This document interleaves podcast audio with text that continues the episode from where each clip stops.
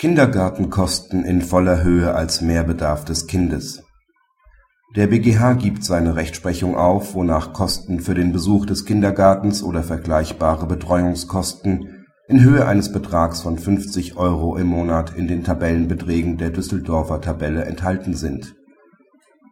Bisher hat der BgH die Auffassung vertreten, dass Kindergartenbeiträge bis zu einem monatlichen Betrag von 50 Euro durch die Tabellenbeträge der Düsseldorfer Tabelle gedeckt werden.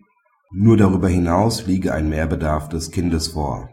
Diese Rechtsprechung gibt der BgH unter Hinweis auf § 1612 Absatz 1 BGB (neue Fassung) nun ausdrücklich auf. Die Höhe des Kindesunterhalts bemisst sich inzwischen nach dem steuerlichen sächlichen Existenzminimum, das heißt nach dem doppelten Kinderfreibetrag nach § 27 Absatz 1 SGB XII deckt das Existenzminimum nur die Kosten des notwendigen Lebensbedarfs, wozu Betreuungskosten nicht zählen. Es spielt dabei keine Rolle, nach welcher Einkommensgruppe der Düsseldorfer Tabelle der Unterhalt geschuldet wird. Soweit in Kindergartenbeiträgen bzw. Betreuungskosten auch Verpflegungskosten enthalten sind, sind diese Anteile herauszurechnen.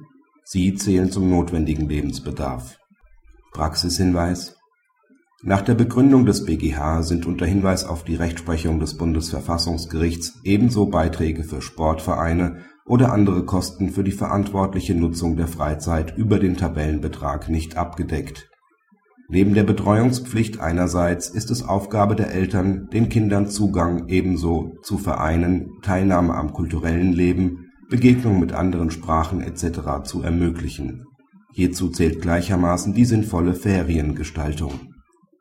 Vor diesem Hintergrund sollte sich der Anwalt nicht davor scheuen, in Abweichung der bisher eher zurückhaltenden Rechtsprechung solche Kosten zukünftig als Mehrbedarf des Kindes geltend zu machen